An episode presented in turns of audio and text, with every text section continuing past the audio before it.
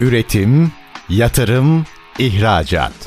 Üreten Türkiye'nin radyosu Endüstri Radyo sizin bulunduğunuz her yerde. Endüstri Radyo'yu arabada, bilgisayarda ve cep telefonunuzdan her yerde dinleyebilirsiniz. Endüstri Radyo.com Çetin Ünsal'ın hazırlayıp sunduğu İşte Bunu Konuşalım programı başlıyor. İşte bunu konuşalımdan merhabalar. Türkiye'nin gerçek gündeminde birlikteyiz efendim. Bugün enerji piyasasını konuşacağız. Enerji sektörünün gelişimini hukuksal boyutlarıyla mercek altına alacağız. Özellikle burada faaliyet gösteren firmaların hukuksal anlamda dikkat etmesi gerekenleri, enerji hukukunu konuşacağız. Çok kıymetli bir konumuz var. Bugün Ankara'dan bizlerle birlikte Enerji Hukuku Araştırma Enstitüsü Yönetim Kurulu üyesi, Kadir Has Üniversitesi Hukuk Fakültesi yarı zamanlı öğretim görevlisi Avukat İlker Fatih Kıl. Bugün işte bunu konuşalımın konu. Efendim hoş geldiniz. İyi akşamlar olsun. Çok teşekkür ediyorum Çetin Bey nazik davetiniz için. Es- Çok sağ olun. İyi akşamlar. Estağfurullah var olunuz efendim. İyi akşamlar olsun. Şimdi enerji tabii çok gözde bir sektör. Hem bizde hem dünyada. Herkesin gündeminde. Bir tarafta yenilenebilir enerji gidiyor. Bir tarafta konvansiyonel enerjiyi nasıl dengeleyeceğiz? Büyük bir piyasa. Büyük bir piyasa aynı zamanda hukukunu da beraberinde getiriyor ama sanki hukuku belki aktörleri içerisinde fazla konuşuluyordur ama dışarıda çok bilinmiyor. Enerji hukuku biraz piyasayı değerlendirmenizi rica edeceğim ama o piyasayı değerlendirirken eş zamanlı olarak bu işin enerji hukuku boyutunu da açarak bir fotoğraf çekebilir misiniz bize? Elbette memnuniyetle. Sizin de belirttiğiniz gibi enerji son derece stratejik bir emtia aslında ve enerji dediğimizde de birden fazla kaynağı ele alıyoruz. Hı hı. Bunlardan en önemlisi belki de elektrik ama konuyu aslında sınırlandırmak lazım. Neden sınırlandırmak lazım? Örneğin uluslararası hukuk perspektifinden baktığımızda enerji problemleri dediğimizde ilk akla gelen şey dünyadaki petrol kuyularının paylaşımı ve petrolün ham madde olarak yer altından çıkartılması ile ilgili problemler. Ama ülkemize baktığımız zaman bilhassa enerji piyasasında birden fazla dönüşümün günümüzde üst üste geldiğini görüyoruz. Hı hı. Bunlardan bir tanesi liberalleşme, piyasanın liberalleşmesi. Bir diğeri yeşil dönüşüm, dijital dönüşüm gibi başlıkları saymak mümkün. Buradan baktığımızda şimdi enerjiyle ilgili o kadar enteresan şeyler geliyor ki enerji üzerinden veya yeşil dönüşüm üzerinden baktığımızda işte bir takım regülasyonlar geliyor, vergiler geliyor vesaire. Çok yoğun bir gündem var önümüzde. Yanılıyor muyum? Kesinlikle haklısınız. Neden? Bir kere her şeyden önce enerjiye erişim temel insan hakları arasında artık günümüzde değerlendirilmeye başlıyor. Orada da neyle ilgili uluslararası metinlere baktığımız zaman yaşamaya elverişli konut hakkı hı hı. başlığı altında temiz enerjiye erişim ele alınıyor. Dolayısıyla aslında bugün modern insanın, modern devletteki modern insanın gelmiş olduğu nokta itibariyle aslında enerjiye erişim bir insan hakkı. Ama onun ötesinde bizim kendi iç hukukumuza baktığımız zaman enerji piyasalarının düzenlenen piyasalar olduğunu görüyoruz. Yani kırmızı et piyasasıyla enerji piyasaları birbirinden oldukça farklı. Aslında düzenlenen piyasalar dediğimizde de temelde dört tane piyasa kanunundan bahsediyoruz. Elektrik piyasası kanunu, petrol piyasası kanunu, doğalgaz piyasası kanunu ve LPG piyasası kanunu. Bu piyasa kanunlarıyla bir çerçeve çizilmiş. Bu çerçeve dahilinde sektörel düzenleyici kurum olan Enerji Piyasası Düzenleme Kurumu aslında herkesin anlayabileceği şekilde ifade etmemiz gerekirse oyunun kurallarını kanunda çizilen çerçeve dairesinde belirlemeye çalışıyor. Hı hı. Yalnız bu yapılırken aslında ikiye ayırmak lazım. Her ne kadar dört alt baş saymış olsak da petrol ve LPG yani hidrokarbonlar bir tarafta aslında hidrokarbon demek doğru olmaz. Petrol ve LPG bir tarafta elektrik ve doğalgazı da diğer tarafta ele almak lazım. Neden? Elektrik ve doğalgaz network endüstrileri, şebeke endüstrileri diyoruz. Şebeke endüstrilerinden olduğu için elektrik ve doğalgazın hukuku, onun düzenlenmesi diğer alelade mal piyasalarından farklılık arz etti. Şebeke endüstrisi olması Hı-hı. nedeniyle. Dolayısıyla oradaki düzenlemelerin ardında iktisadi bir regülasyon gerekçesi var. Doğalgaz ve LPG tarafında ki düzenlemenin temel sebebi ise aslında ülkemizde akaryakıt piyasasının kayıt altına alınması diyebiliriz. Petrol tarafında bir kolluk faaliyeti idame ettirilirken elektrik ve doğalgazda bir iktisadi regülasyon yapıyor EPDK. İktisadi regülasyonun sebebi nedir diye soracak olursak hı hı. aslında bu şebeke endüstrilerinin geneli içinde geçerli. Yani şebeke endüstrisinden kastımız aslında nedir onu da söylemek lazım belki de. Bugün elektrik, elektrikten örnek verelim. Elektrik bir yerlerde üretiliyor öyle değil mi? Üretilen bu elektrik elektriğin benim ofisimde, evimde, sizin radyonuzda tüketebilmeniz için ne olması gerekiyor? Taşınması gerekiyor. Pencereden kafamızı dışarı tartıp baktığımızda da zaten o iletim ve dağıtım hatlarını görmeniz mümkün. İşte bu taşınması işlemi hem elektrikte hem doğalgazda biz ona şebeke diyoruz. Çok önemli. Şimdi şebeke endüstrilerinde de şöyle bir problem söz konusu oluyor. Bu şebekelerin işletilmesinde tekel var. Hı hı. Bazı ülkelerde kamu tekeli oluyor, bazı ülkelerde özel tekeli oluyor vesaire değişebilir. Ama orada bir tekel olduğu için bu piyasaların iktisadi açıdan düzenlenmesi gerekiyor. Ve o tekel, ya bugün siz kırmızı et aldığınız zaman böyle bir problem yok. E, tekel olunca nasıl bir problemle karşılaşıyoruz? İki tane temel problemle karşılaşıyoruz. Bir, tekel olan firma, yani elektriği evimize ileten ve dağıtan firma, ileten firma dediğimiz ülkemizde Türkiye Elektrik Eğitim Anonim Şirketi, dağıtan firmada hepimizin yaşadığı bölgede tek bir dağıtım firması vardır. Dağıtım özelleştirme değil o dağıtım hakkını devletten almışlardır. Dağıtan firma da tekel. Bu iletim ve dağıtımı elektrikte ayırırken ikiye aslında biz teknik anlamda 36 kW üstü hatlara iletim hatları, alttaki hatlara dağıtım hatları diyoruz. Ama kolay anlaşılabilmesi için elektriğin taşındığı hatlar gibi genelleyebiliriz. İki tane probleme yol açıyor bu tekel firmalar. Bir, tekel olduğu için bu taşıma hizmetinin fiyatını belirlerken eğer EPDK yani devlet müdahale etmemiş olsaydı piyasada oluşacak fiyattan daha yüksek bir fiyat belirleyecekti. Hı hı. Bu da toplumun refah kaybına sebep olacaktı. İşte bu sebeple öncelikle EPDK ne yapıyor? Hem elektrikte hem doğal gazda bu şebeke hizmetlerine ilişkin olarak fiyatları belirliyor. Biz bunlara düzenlenen tarifeler diyoruz. Bir diğer problem nedir bu şebekelerle ilgili olarak? Tekel firma olduğu için şebekeye erişim hakkı. Çok önemli. Örneğin işte biraz sonra değineceğiz yenilenebilir enerjiyle ilgili gelişmeleri hepimiz görüyoruz. Baş döndürücü dünyada baş döndürücü gelişmeler oluyor ve çok ciddi gelirler de elde ediliyor aslında o sektörlerden. Sizin bugün paranız olsa dahi ya gerekli yatırım yapabilecek her türlü bilgi birikiminiz olsa dahi şebekeye erişemedikten sonra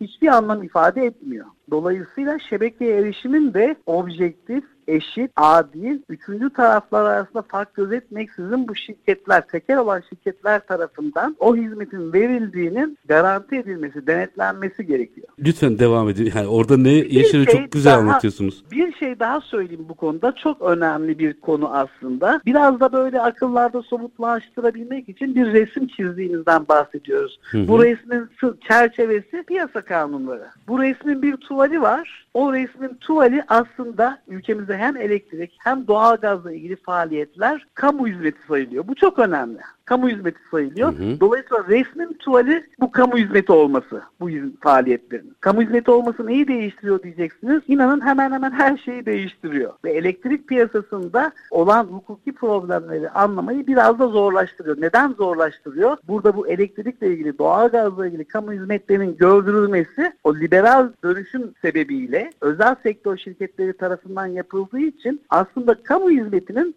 özel sektör tüzel kişilerine gördürüldüğü bir piyasadan bahsediyoruz. Temelde aslında bir kamu işi yapılıyor yani. Kamu hizmeti. Kamu tabii. hizmeti tabii.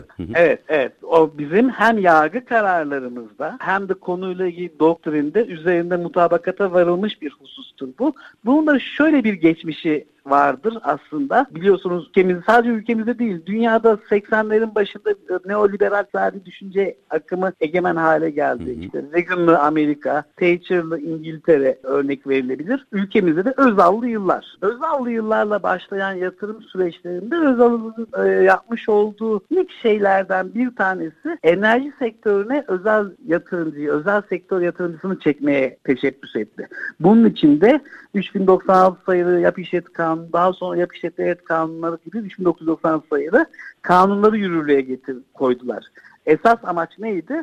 Bu büyük sermaye gerektiren kamu yatırımlarının riskini özel sektörle paylaşmak. Hı hı. Arkasındaki felsefe mantık bu. Ama bu yapılırken e, kamu hizmetinin özel hukuk kişilere gördürülmesine biz imtiyaz diyoruz. İmtiyaz adı veriyoruz. Kapitülasyonlar da imtiyazda aslında hatırlarsanız. Hı hı.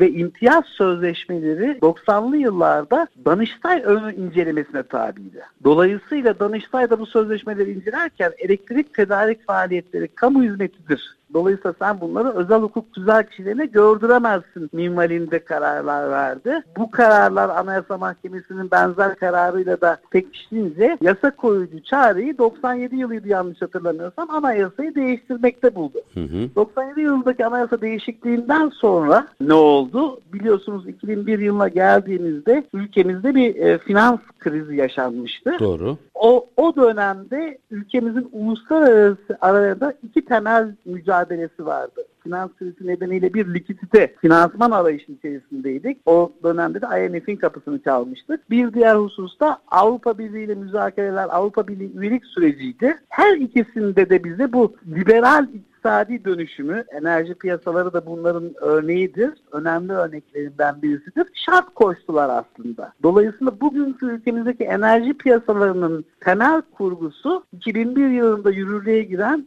46-28 sayılı elektrik piyasası kanunuyla başlamıştı. Yani ülkemizde liberalleşme dediğimiz gibi özallıyılarla başlamakla birlikte bugünkü hukuki rejimin ilk temelleri 2001 yılında atıldı demek yanlış olmayacak. O zaman şöyle yapalım. Buraya bir virgül koyayım. Ki siz 2006'dan itibaren siz EPDK kökenlisiniz aynı zamanda. Evet. Sonra piyasanın işleyişini de yine hukuksal açıdan bizlere çok net bir şekilde özetleyebileceğinizi düşünüyorum. Minik Tabii. bir araya gidelim. Bir reklam arasına gidelim. Aranın ardından ardından o 2001'den sonraki süreçte hatta 2006 sanıyorum sizin de EPDK başlangıcınız. Sonraki süreçte yaşananları biraz piyasayı hukuksal boyutuyla bize anlatmaya devam ederseniz yenilenebilire geleceğim. Çünkü ona birazcık da zaman var şimdi. Ama ilk önce o piyasanın hukuken nasıl işlediğini bizim bir öğrenmemiz gerekiyor sanıyorum. Minik bir araya gidelim müsaade edin. Aranın ardından devam edeceğiz. Efendim konuğumuz Enerji Hukuku Araştırma Enstitüsü Yönetim Kurulu üyesi ve aynı zamanda Kadir Has Üniversitesi Hukuk Fakültesi yarı zamanlı öğretim görevlisi Avukat İlker Fatih Kıl. Kısa bir ara. Aranın ardından işte bunu konuşalım diyeceğiz. Lütfen bizden ayrılmayın.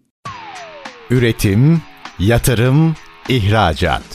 Üreten Türkiye'nin radyosu Endüstri Radyo sizin bulunduğunuz her yerde. Endüstri Radyo'yu arabada, bilgisayarda ve cep telefonunuzdan her yerde dinleyebilirsiniz. Endüstri Radyo.com Kısa bir aranın ardından işte bunu konuşalım demeye devam ediyoruz efendim. Konuğumuz Enerji Hukuku Araştırma Enstitüsü Yönetim Kurulu üyesi ve Kadir Has Üniversitesi Hukuk Fakültesi yarı zamanlı öğretim görevlisi avukat İlker Fatih Kıl. Enerji hukukunu konuşuyoruz. Şimdi e, 2001'e kadar aslında o dönüşümü çok net anlattınız bize. Siz sonrasında yani piyasaya özel sektörün de dahil olmasıyla birlikte nasıl bir hukuksal altyapı veya gerçekleşme ortaya çıktı? Ki, ki siz de EPDK dahilindeydiniz o süreçte. Biraz işin bu boyutunu da açabilir misiniz bize? Tabii ki memnuniyetle. Şimdi öncelikle 2001'den önce kamu hizmeti olduğu için aslında ülkemizde elektrikle ilgili faaliyetler devlet tekeli olan Türkiye Elektrik Kurumu tarafından yapılıyordu. Hı. 90'ların başında Türkiye Elektrik Kurumu parçalandı. İşte TİH, TEDAŞ, EÜYAŞ, TETAŞ olmak üzere dört ayrı şirkete bölündü diyebiliriz. TETAŞ da 2021 yılında kapatıldı. Bugün Türkiye Elektrik Kurumu'ndan geriye kalan Türkiye Elektrik Üretim AŞ, TEDAŞ ve EÜYAŞ var. Elektrik üretim şirketi. Hı hı. Şimdi bu kamu tekelindeydi. O neoliberal iktisadi felsefe şunu söylüyordu. O şebeke olan kısımda yani iletim ve dağıtımda yani Türkiye Elektrik İletim Kurumu'nun ve TEDAŞ'ın yaptığı faaliyetler dışındaki elektriğin mesela ticareti ve üretimi aslında rekabetçi piyasalar olabilir. Oralarda birden fazla oyuncu söz konusu olabilir. O yüzden oraları rekabete açmak lazım. Piyasalaştırmak lazım. Piyasalaştıramadığımız kısımları da regüle etmemiz, düzenlememiz lazım diyordu. Hı hı. Bu sebeple de 2001 sonrasında o rekabete açılacak aslında tüm piyasa oyuncularına lisans verdi EPDK. Aslında lisans da elektrik piyasası anlamında baktığımızda o kamu hizmetinin özel hukuk tüzel kişilerin görme hakkının verildiği belge niteliğindedir bir ruhsata tekabül eder diyebiliriz. Hı hı. Şimdi o perspektiften baktığımızda bugün elektrik üretimi noktasında ülkemizde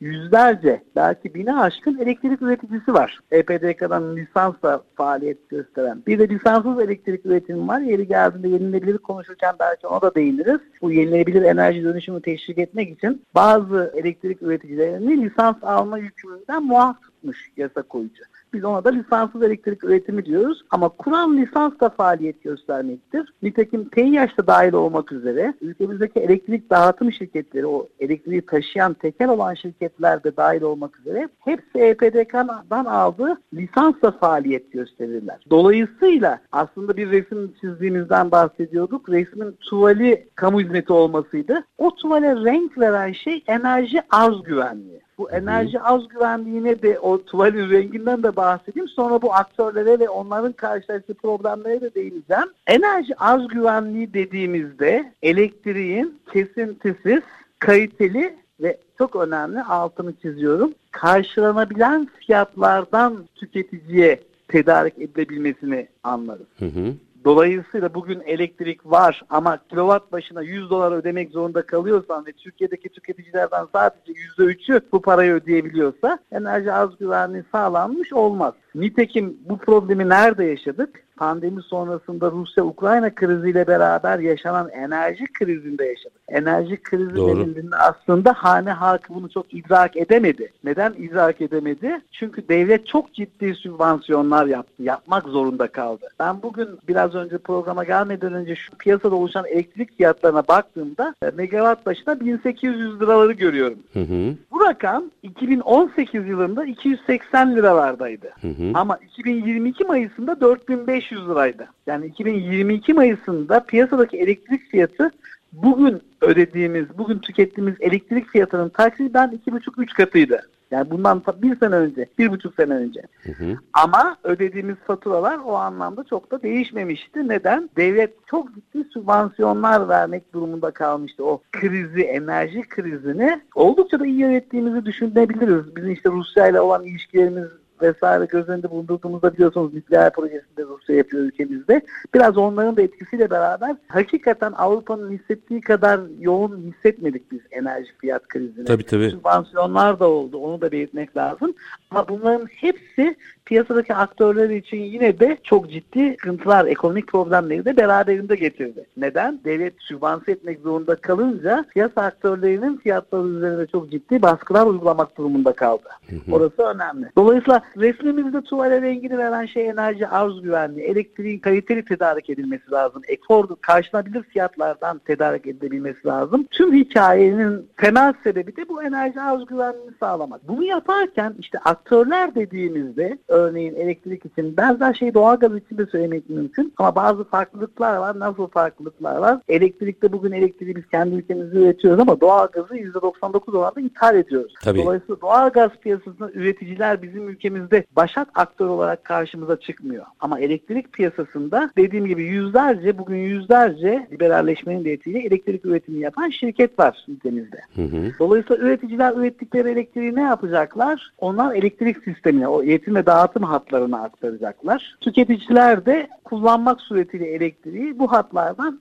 çekerek kullanıyoruz. Şimdi burada nasıl problemler var? Bir, bu şebeke endüstrisi olması itibariyle kırmızı et piyasasından farklılaşıyor demiştik ya. Bir diğer husus var elektrik piyasasını kırmızı et piyasasından, diğer alelade mallardan farklılaştıran. O da bugün halen elektriğin teorik olarak depolanabiliyor ama sistem yönetimi, şebeke yönetimi anlamında halen feasible şekilde depolanamaması sebebiyle kurulan bir dengeleme sistemi var. Ne demek istiyorum? Şunu demek istiyorum. Şu an şu dakikada tüm ülke çapında tüketilen elektrik elektrik kadar elektrik üretilmesi lazım. Yani eğer ülkede 100 birim elektrik tüketiliyorsa şu an ülkede üretilen elektrik miktarının da 100 birim olması lazım. Hı hı. Neden? Şimdi 100, 120 birim elektrik üretilmiş olsa elektrik depolanamadığı için ne olacak? O 20 birim fazla üretim aslında zayi olacak. Dolayısıyla tüketici 100 birim fiyatı öderken 120 birimin fiyatını ödemek zorunda kalacak. Doğru. 80 birim üretildiğinde ne olacak? 80 birim üretildiğinde de talebi karşılamadığı için elektrik kesintileri söz konusu olacak. Ya. Şimdi bu dengeleme işi de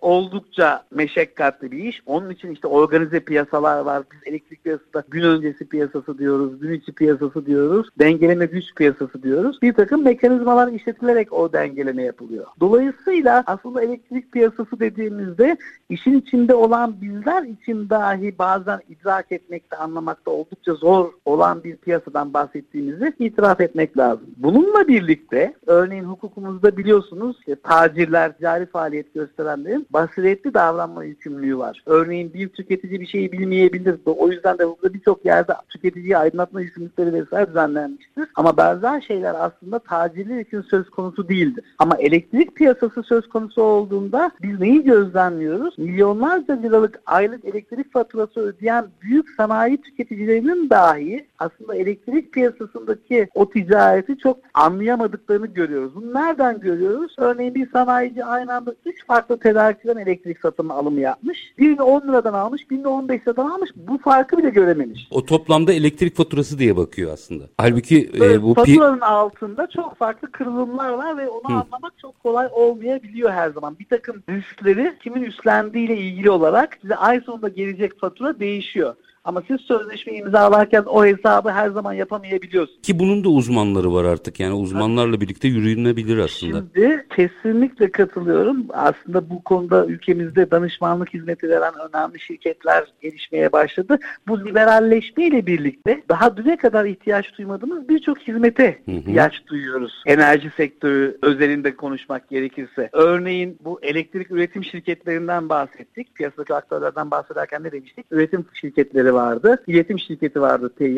EDAŞ'lar vardı elektrik dağıtım şirketleri. Bize bu EDAŞ'lardan ayrılan görevli tedarik şirketleri var. O konuya çok değinmedim. Bugün o, o kadar özele girmeye gerek yok ama hane halkına kural olarak elektriği tedarik eden e, elektrik dağıtım özelleştirmeleri sonrasında dağıtım şirketlerinden hukuki ayrıştırmayla ne demek? Bu ihaleyi kazanan dağıtım şirketine yasa koyucu dedi ki arkadaş senin dağıtım faaliyetin tekel ama bu ihalenin içinde perakende satış faaliyetlerin de vardı. Hı hı. O belirlenen dağıtım bölgesindeki milyonlarca tüketiciye elektrik satma hakkını da vermiştik. Ama elektrik satma konusu piyasalaşabilecek, serbestleşebilecek bir alan olduğu için o faaliyetini ayır dedi. Onun için de hukuki ayrı hukuki şirketler kurdu. Örneğin ben Ankara'da EDAŞ varken dağıtım şirketini yapan o perakende faaliyeti için EFSAŞ dediğimiz elektrik perakende satış şirketlerini kurdu. Bunu tüm dağıtım şirketleri yaptı. Bu dağıtım şirketlerinden ayrılan tedarik şirketlerine biz EFSAŞ'lar diyoruz. Bir de başka bağımsız tedarikçiler var. Yani siz bugün EPDK mevzuatı üzerinde öne koşulan birkaç şart yerine getirdiğinizde bazı sermaye yeterlik şartları vesaire var. Bugün elektrik tedarikçisi olmanız mümkün. Ne demek elektrik tedarikçisi olmak? Piyasalardan ya da işte elektrik üretimi yapan şirketlerden elektrik satın alıp tüketicilere ya da başka toptancılara elektrik satış yapma faaliyetini elektrik tedarik faaliyetleri diyoruz. Bu da lisansla yapılan bir faaliyet ve o ticareti yapmış oluyorsunuz. Tabii piyasanın bu şekilde piyasasal piyasalaşmasıyla birlikte bir de organize piyasaları var dediğimiz gibi gün öncesi gün içi piyasa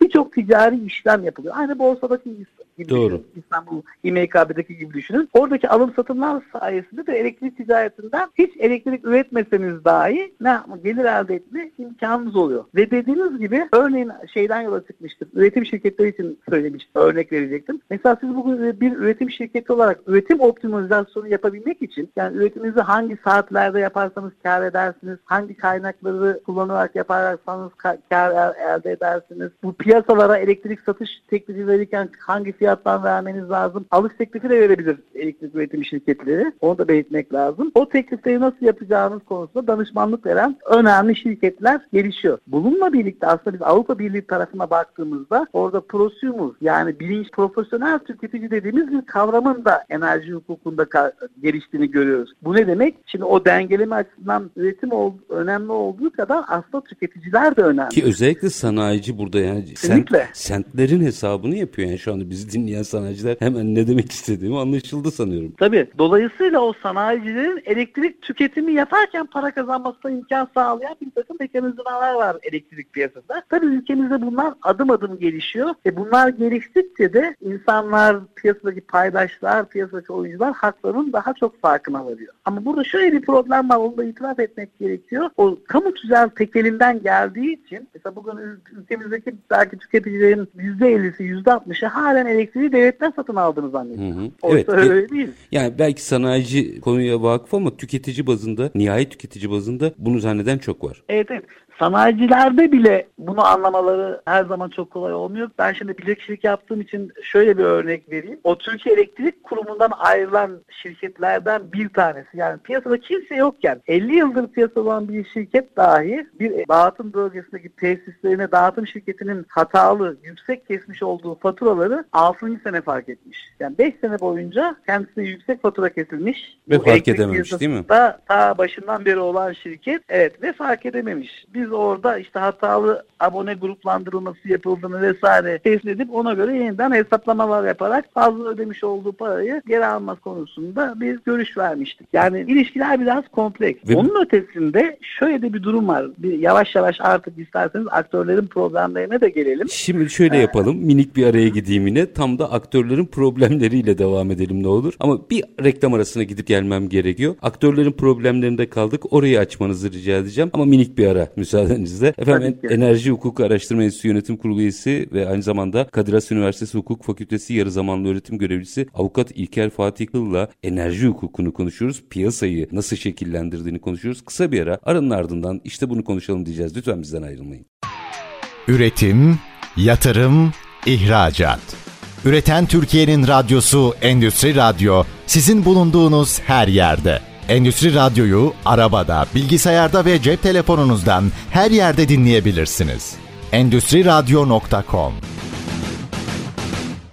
Kısa bir aranın ardından işte bunu konuşalım demeye devam ediyoruz. Enerji piyasasını ve enerji hukukunu mercek altına alıyoruz. Bütün gelişimini de ele alarak konuğumuz Enerji Hukuku Araştırma Enstitüsü Yönetim Kurulu üyesi ve Kadir Has Üniversitesi Hukuk Fakültesi yarı zamanlı öğretim görevlisi Avukat İlker Fatih Kıl. Şimdi Sayın Kıl araya gitmeden önce tam da aktörler ne yaşıyor'a gelmiştik. Orayı da siz açın ne olur. Çok önemli bir konu ama bugün tabii zaman kıs olması nedeniyle aslında biraz elektrik özelinde gittik. Enerji genel başlığı altında konuşmaya başlasak da onu belirtmek lazım. Değilse doğalgaz piyasasında bambaşka Hepsini tek tek ayrı ayrı konuşmak lazım gerçekten ama Kesinlikle. elektrik çok can damarı evet. üstad. Yani evet. bu ekonomi içinde elektrik hani olmazsa olmaz başlık. Kesinlikle öyle ve belki günün birinde tüm enerji kaynakları elektriğe evrilecek, evrilebilir. Öyle de bir durum söz konusu. O yüzden elektrik özelinde konuşmayı da seviyorum. Onu da belirtmek lazım. Şimdi geçtiğimiz aylarda ülkemizde 12. kalkınma planı yayınlandı. 2024-28 yılları arasında. O plandaki enerji sektörü hedeflerine baktığımız zaman birinci enerji talebinde 2023'e göre 2028 yani 5 sene sonra takriben %20'lik bir artış olacağı ama elektrik üretiminde bu artışın %30'lara yaklaşacağı öngörülüyor. Ve bu artışın da yani elektrik arzında, elektrik üretimindeki artışın da büyük oranda yenilenebilir enerji kaynaklarından karşılanmasının hedeflendiğini geldiğini görüyoruz. Yine burada dikkat çekici iki gelişme daha var hedeflere baktığımızda. Bir enerji verimliliğinden sağlanan tasarruflar ki ülkemizin kanayan yaralarından bir tanesidir. Orada yaklaşık 4500 megawattlık bir elektrik üretimi o da bir nükleer santralin yıllık elektrik üretimine tekabül eder olduğunu görüyoruz. Bir de hali hazırda sıfır olan depolama kapasitesinin, pil kapasitelerinin, batarya kapasitelerinin de 5 megawatta çıkacağını görüyoruz. Dolayısıyla hedeflere aslında yenilenebilir enerji dönüşümünün damga damga vurduğunu görebiliriz. Bir yandan ülkemiz olarak Paris Anlaşması'nı imzaladık. 2053 yılına geldiğimizde sıfır emisyon taahhütümüz var, net zero taahhütümüz var. O taahhütleri yerine getirebilmek için de aslında bunları yapmak zorundayız bir yerde. Şimdi yenilenebilir enerji dönüşümü dediğimizde işte piyasadaki problemler başlıyor. Neden başlıyor diyeceksiniz. Ülkemizde bir yenilenebilir enerji kaynaklarının teşvikine ilişkin kanun var. Bu kanun 2005 yılında yürürlüğe girmişti. Yalnız 2005 yılında, 2006 yılında sizin de belirttiğiniz gibi de EPTK'ya girdiğim yıllara tekabül eder. Yenilenebilir enerji kaynaklarından elektrik üretmek çok maliyetliydi. Çok maliyetli olduğu için yasa koyucu çok agresif teşvikler vermemişti o dönemde. Onu da belirtmek lazım. Ben de dünyanın neresine giderseniz gidin enerjiyle ilgili konferanslarda yenilenebilir enerjiden bahsederler ama o zamanlar bizim ülkemiz için cehennemin reklamı olduğunu söylerdim. Çünkü biz gelişmekte olan bir ülkeyiz. Bir kuruşu bile 10 kere düşünerek harcamamız tabii, lazım aslında. Tabii. 2010 yılı sonuna geldiğinde o kanuna bir değişiklik yapılarak bu yenilenebilir o kanunda sayılan bir takım birincil enerji kaynaklarından elektrik üretimi yapan yapanlara dolar bazında teşvik verildi. Hı hı. Şimdi bu teşvikler ülkemizde yenilenebilir enerji kaynaklarından elektrik üretimini arttırdı mı? Evet çok arttırdı. Bu rakamlara baktığımız zaman çok bu teşviklerin de etkisiyle çok ciddi bir yenilenebilir enerji dönüşümünde önemli adımlar attığımızı görüyoruz. Bu artı tarafı. Ama eksi tarafı ne oldu? Şimdi 2010 yılı sonunda döviz bazlı teşvik verdiğin zaman temel mantık da şuydu. Sen 2005 yılında yani kanun yürürlüğe girdikten sonra işletmeye girmiş bir elektrik üretim tesisiysen ve yenilenebilir enerji kaynaklarından elektrik üretimi yapıyorsan 10 yıl boyunca devletin o kanunda vermiş olduğu döviz bazındaki fiyatlardan faydalanarak elektriğini satabiliyordun. Hı hı. Bu evet çok başlangıçta o 2010 yılında verilen teşvikli fiyatlar ben hep şunu söylüyorum. 2010 yılındaki o rakamlar da teşvikli fiyatlardı ama o zaman dolar 2 liraydı. Şimdi 2013, 14, 15, 16 dövizin kurdaki riskin devlet tarafından üstlenildiğini görüyoruz. Şimdi burada piyasaya baktığımız zaman yenilenebilir enerji kaynaklarından elektrik üretimi yapanlar son derece memnun. Neden? O refah transferinden kendileri faydalandılar. Bunlara kredi veren bankalar vesaire onlar da son derece memnun. Neden? Onlar da kredi vermek suretiyle paslan paylarını aldılar. E diğer yandan bizim işte o 2053 dönüşümü için de bu adımları atmamız gerekiyor. Gerekiyordu Bunların zaten. Bir maliyeti olmak zorunda. Artı hep şeyi söylüyoruz. Enerji arz güvenliği dedik ki enerji arz güvenliğinin en temel unsurlarından birisi de enerjide dışa bağımlılığı azaltmaktır. Enerjide dışa bağımlılığı azaltmanın da bir maliyeti, bir bedeli olacak. Buna da hiç şüphe yok. Dolayısıyla nükleere baktığımızda nükleerde de teşvikli bir fiyat olduğunu görüyoruz Rusya'yla yapılan anlaşmada. Ama bu bedel öyle bir noktaya geldi ki 2016,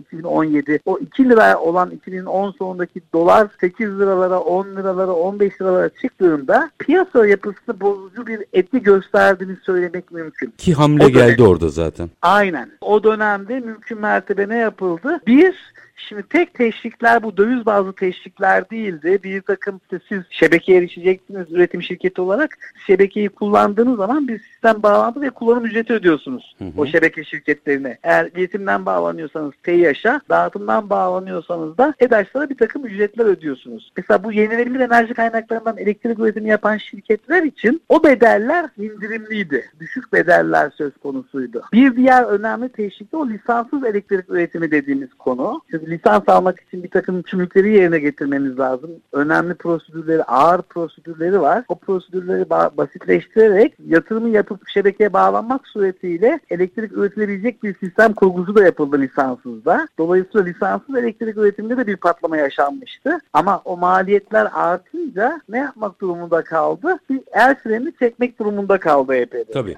EPDK üzerinde de aslında devlet. Çünkü YEKDEM diyoruz. O yenilebilir enerji destekleme mekanizmasında YEKDEM diyoruz. Bu YEKDEM mekanizmasının toplum üzerindeki maliyetleri çok artmıştı. Şimdi o dönemde oyunu kazanan yenilebilir şirketleri kaybeden kim? Termik santraller hı hı. aslında. O doğalgaz çevrim santralleri vardı. Hatta 2013-14'te rakamlara baktığımızda takriben ülkemizde üretilen elektriğin %35 %40'ı doğalgaz çevrim evet. santrallerinden üretiliyordu. Ama o yenilebilir dönüşümüyle birlikte ne oldu? O santraller artık feasible olmaktan çıktı. Hepsi teker teker sökülüp nereye gitti? Afrika'ya taşındı. üzerinde. Peki hocam evet. bir şey soracağım. Bir 5 dakikam var da. Bu süreç bundan sonra anladığım kadarıyla yenilenebilirin. Siz de bunu ifade ettiniz. Tabii. Bundan sonraki süreçte hem öngörülerinizi hem de hukuken ihtiyaçlarımızı da böyle biraz özetleyerek bitirirseniz sevinirim. Bir 5 dakikamız var. Bunu da mutlaka almak isterim çünkü. Tamam. Toparlamak gerekirse aslında yatırımcının bu söylediklerim orada aslında bir takım düzenleyici riskler vardı. Bir takım teşvikler veriliyor ama 2 sene sonra piyasa koşulları değişince 10 yıllığına verilen verilen teşvikler geri çekiliyordu vesaire. Aslında yatırımcının o anlamda en temel iki problemi olduğundan bahsedebiliriz. Birincisi hukuki belirlilik. Çünkü bugün bakın resmi gazeteye gün geçmiyor ki bir EPDK kararı yayınlanmamış oldu. Doğru. Dolayısıyla aslında yatırımcı o kadar evet EPDK'nın piyasadaki dönüşüme tepki vermesi lazım, düzenleme yapması lazım. Ama her gün her gün oyun oynanırken kuralın değişmesi yatırımcı için çok ciddi bir risk teşkil ediyor. Bu birincisi. İkincisi de bugün bir enerji yatırımı yapmaya çalıştığınızda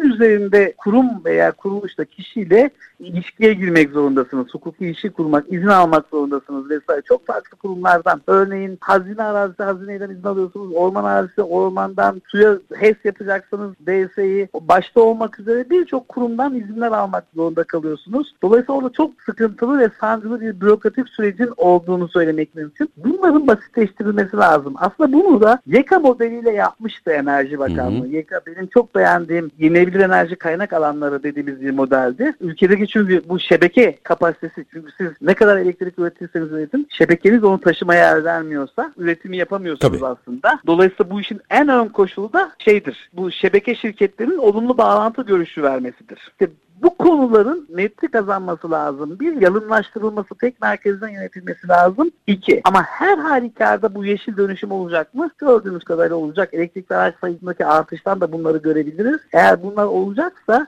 her ne kadar hukuki problemler, bir takım riskler olmakla birlikte çok fazla da fırsat var. Tabii. Karbon piyasası kuruluyor. Avrupa Birliği bugün sınırda karbon yükümlülüğü diye bir mekanizma getirdi. Ama o mekanizmadaki yükümlülüğü yerine getiren ilk önce uyum sağlayabilen şirketler ne yapacak? Dünyadaki rakiplerine karşı avantaj sağlayacaklar. Dolayısıyla aslında riskin olduğu yerde fırsatlar da birbirini doğuruyor, birbirini besliyor diyebiliriz. Aslında bundan sonraki süreçte galiba e, bir de bunların finansmanını bulmak da geleneksele göre daha kolay hale geliyor. Ne dersiniz? Şimdi tabii o bahsetmiş olduğum YEKTEM kapsamında alım garantileri verildiği için orada daha kolay finansmanlar var. Bir de global sermaye anlamında baktığımızda dünyadaki büyük fonların örneğin EBRD'nin, Dünya Bankası'nın vesaire yeşil dönüşüm için ayırmış olduğu fonlar var. Neredeyse hibe tabii, bazıları. Tabii. Kesinlikle öyle. Dolayısıyla o fonların kullanılabilmesi için ne kadar hızlı uyum sağlarsanız dönüşüme ucuz kredilerden faydalanma imkanınız artacak. Anladığım kadarıyla üstadım bir yolculuktayız ve fena da gitmedik gibi geliyor. Aksayan yönler var mı? Var. Ama fena da gitmedik galiba. Bundan sonra hukuki sıkıntılar çünkü gelişme çok hızlanacak böyle gözüküyor. Hukuki sıkıntılar yaşamamak için hani en azından anahtar gibi, subap gibi yapmamız gereken bir hamle var mı?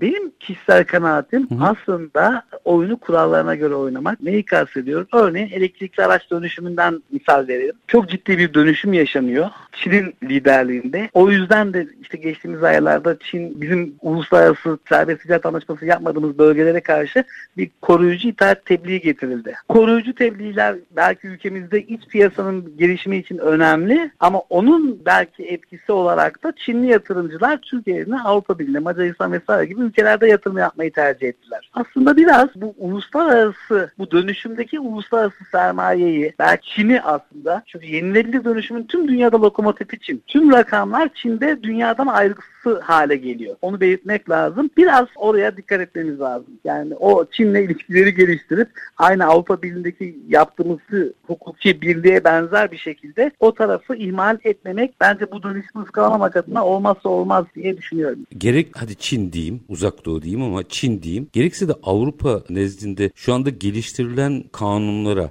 daha hala e, bir takım kanunlar geliştiriliyor. Hele Avrupa Rusya Ukrayna meselesinden sonra tam atağa kalktı yenilenebilir enerji meselesinde. Avrupa'dan bahsediyorum. Orada bu uyumla ilgili şu anda bizim pek de gündemimizde olmayan düzenlemeler, çalışmalar var mı? Aslında bizim düzenleme anlamında oralardan çok farkımız yok. Çok güzel. Problem ne, nereden kaynaklanıyor? Çok hızlı değişmemizde. Yani o bir belirsiz hukuki anlamda istikrarsız bir ortam yaratmak bazen riskleri arttırıyor. Ama düzenleyici perspektiften baktığımızda bizdeki kurallar, bizdeki sistem 3 an aşağı 5 yukarı diğer batılı ülkelerde nasılsa bizde de benzer bir şekilde diyebiliriz. Orada bir de şöyle önemli bir konu var aslında. Bu yeşil dönüşümün bir sebebi de Avrupa Birliği'nin Çin'e karşı kaybetmiş olduğu rekabet avantajını bu regülasyonlar aracılığıyla dengelemeye çalışması. Biz de lokasyon olarak stratejik bir yerde olduğumuz için bunu hakikaten fırsata çevirme imkanımız var. Hı. Halen de var. Onu ıskalamamak lazım. Son olarak da şunu sormak isterim. Yani enstitünün de şöyle bir incelediğimde amaçları içerisinde burada insan kaynağına atıfta bulunuyorsunuz. Çok ciddi bir insan kaynağı ihtiyacı var. Bu büyümeye paralel daha da olacak. O konuyla ilgili yapacağımız veya yapmamız gereken bir hamle var mı? Şimdi şöyle söyleyeyim. insan kaynağı neden önemli? Ben kaç kaçak elektrik örneğini veriyorum. Biliyorsunuz geçtiğimiz 3-5 sene önce Yargıtay kararları çok gündeme gelmişti kaçak elektrikle ilgili olarak ve e, işte dağıtım şirketlerine siz tahsil edemediğiniz kaçak elektriğin bedelini vatandaştan alamazsınız demişti. Doğru. Bakın kim diyor bunu yüksek yargı üyesi diyor, mahkemesi diyor, yüksek yargı söylüyor. Oysa orada bir bilgi asimetrisi var. O nedir? O da şu. Aslında bizim ülkemizde 1970'te de, 80'de de, 90'da da, 2000'de de, 2010'da da kaçağın faturasını hep tüketici ödedi. Hı hı. Çünkü o faturada gözüken kaçak bedeli daha farklı. İnsanlar kaçak deyince aklına gelen komşun Ahmet'in kaçak kullandığı elektrikten daha farklı, daha teknik bir anlamı vardı. Ama yüksek yargıya bile bunu anlatmakta sıkıntı yaşadılar. Ki kayıp yüzden, kaçak derdik ya o zaman onlara. Evet evet. Kayıp daha farklı bir konu aslında. Hı hı. Teknik, teknik bir konu çünkü konu. o. Elektrikte inanın her şey çok teknik. Hı hı. O yüzden de inanın cumartesi pazarlar da dahil olmak üzere sabahtan akşama kadar bu konuları hem meslektaşlarımıza hem genç arkadaşlar, üniversite öğrencilerine vesaire anlatmaya çalışıyoruz ki farkındalık seviyeleri artsın. Farkındalık seviyeleri artıp haklarını almaya başladıkça piyasa gelişecek. Ülkemiz gelişecek. Çünkü enerjinin bir de şöyle bir boyutu var. Biz bugün enerji piyasasındaki aktörlerden bahsettik ama aslında enerji, elektrik tüm sanayi, tüm endüstrinin de girdisi. Hatta dördüncü olmak... sanayi devriminin anahtarı Tabii, gibi. Dolayısıyla şeyde de sera gazı emisyonlarının da %70'i %80'i dünyada enerji sektöründen olduğu söylenir. Çevre hukukuyla da çok sıkı bir ilişkisi var. Tüm bunları üst üste koyduğumuz zaman hakikaten bu alanda hem bu dönüşümü teknik anlamda yapacak, mühendislik anlamda yapacak insana yatırım yapmamız hem dijital dönüşüm var. Dolayısıyla yazılımdı, bilgisayardı, o enformatik anlamda bu konuları yatırım yapmamız hem de bunların sosyal boyutuyla yazacak iktisatçılara, hukukçulara yatırım yapmamız gerekiyor diyebiliriz. Peki günün sonunda insan kaynağını yetiştirebiliyor muyuz? İnsan kaynağı, insan kaynağını yetiştirme noktasında da yani bir takım problemler yok mu? Ülkemizde her yerde olduğu gibi var. Ama şu, şunu söyleyeyim. Mesela bugün ülkemizde hiç daha nükleer santral yokken bile biz 1960'ların sonundan itibaren onlarca yüzlerce nükleer mühendis yetiştirdik. Aslında kaynak anlamda insan kaynağımız bence yetiştiriliyor ama bu kaynakların etin verimli kullanılması anlamında bir takım programlar olduğunu söylemek mümkün olabilir. Onu da bir gün başlı başına konuşalım.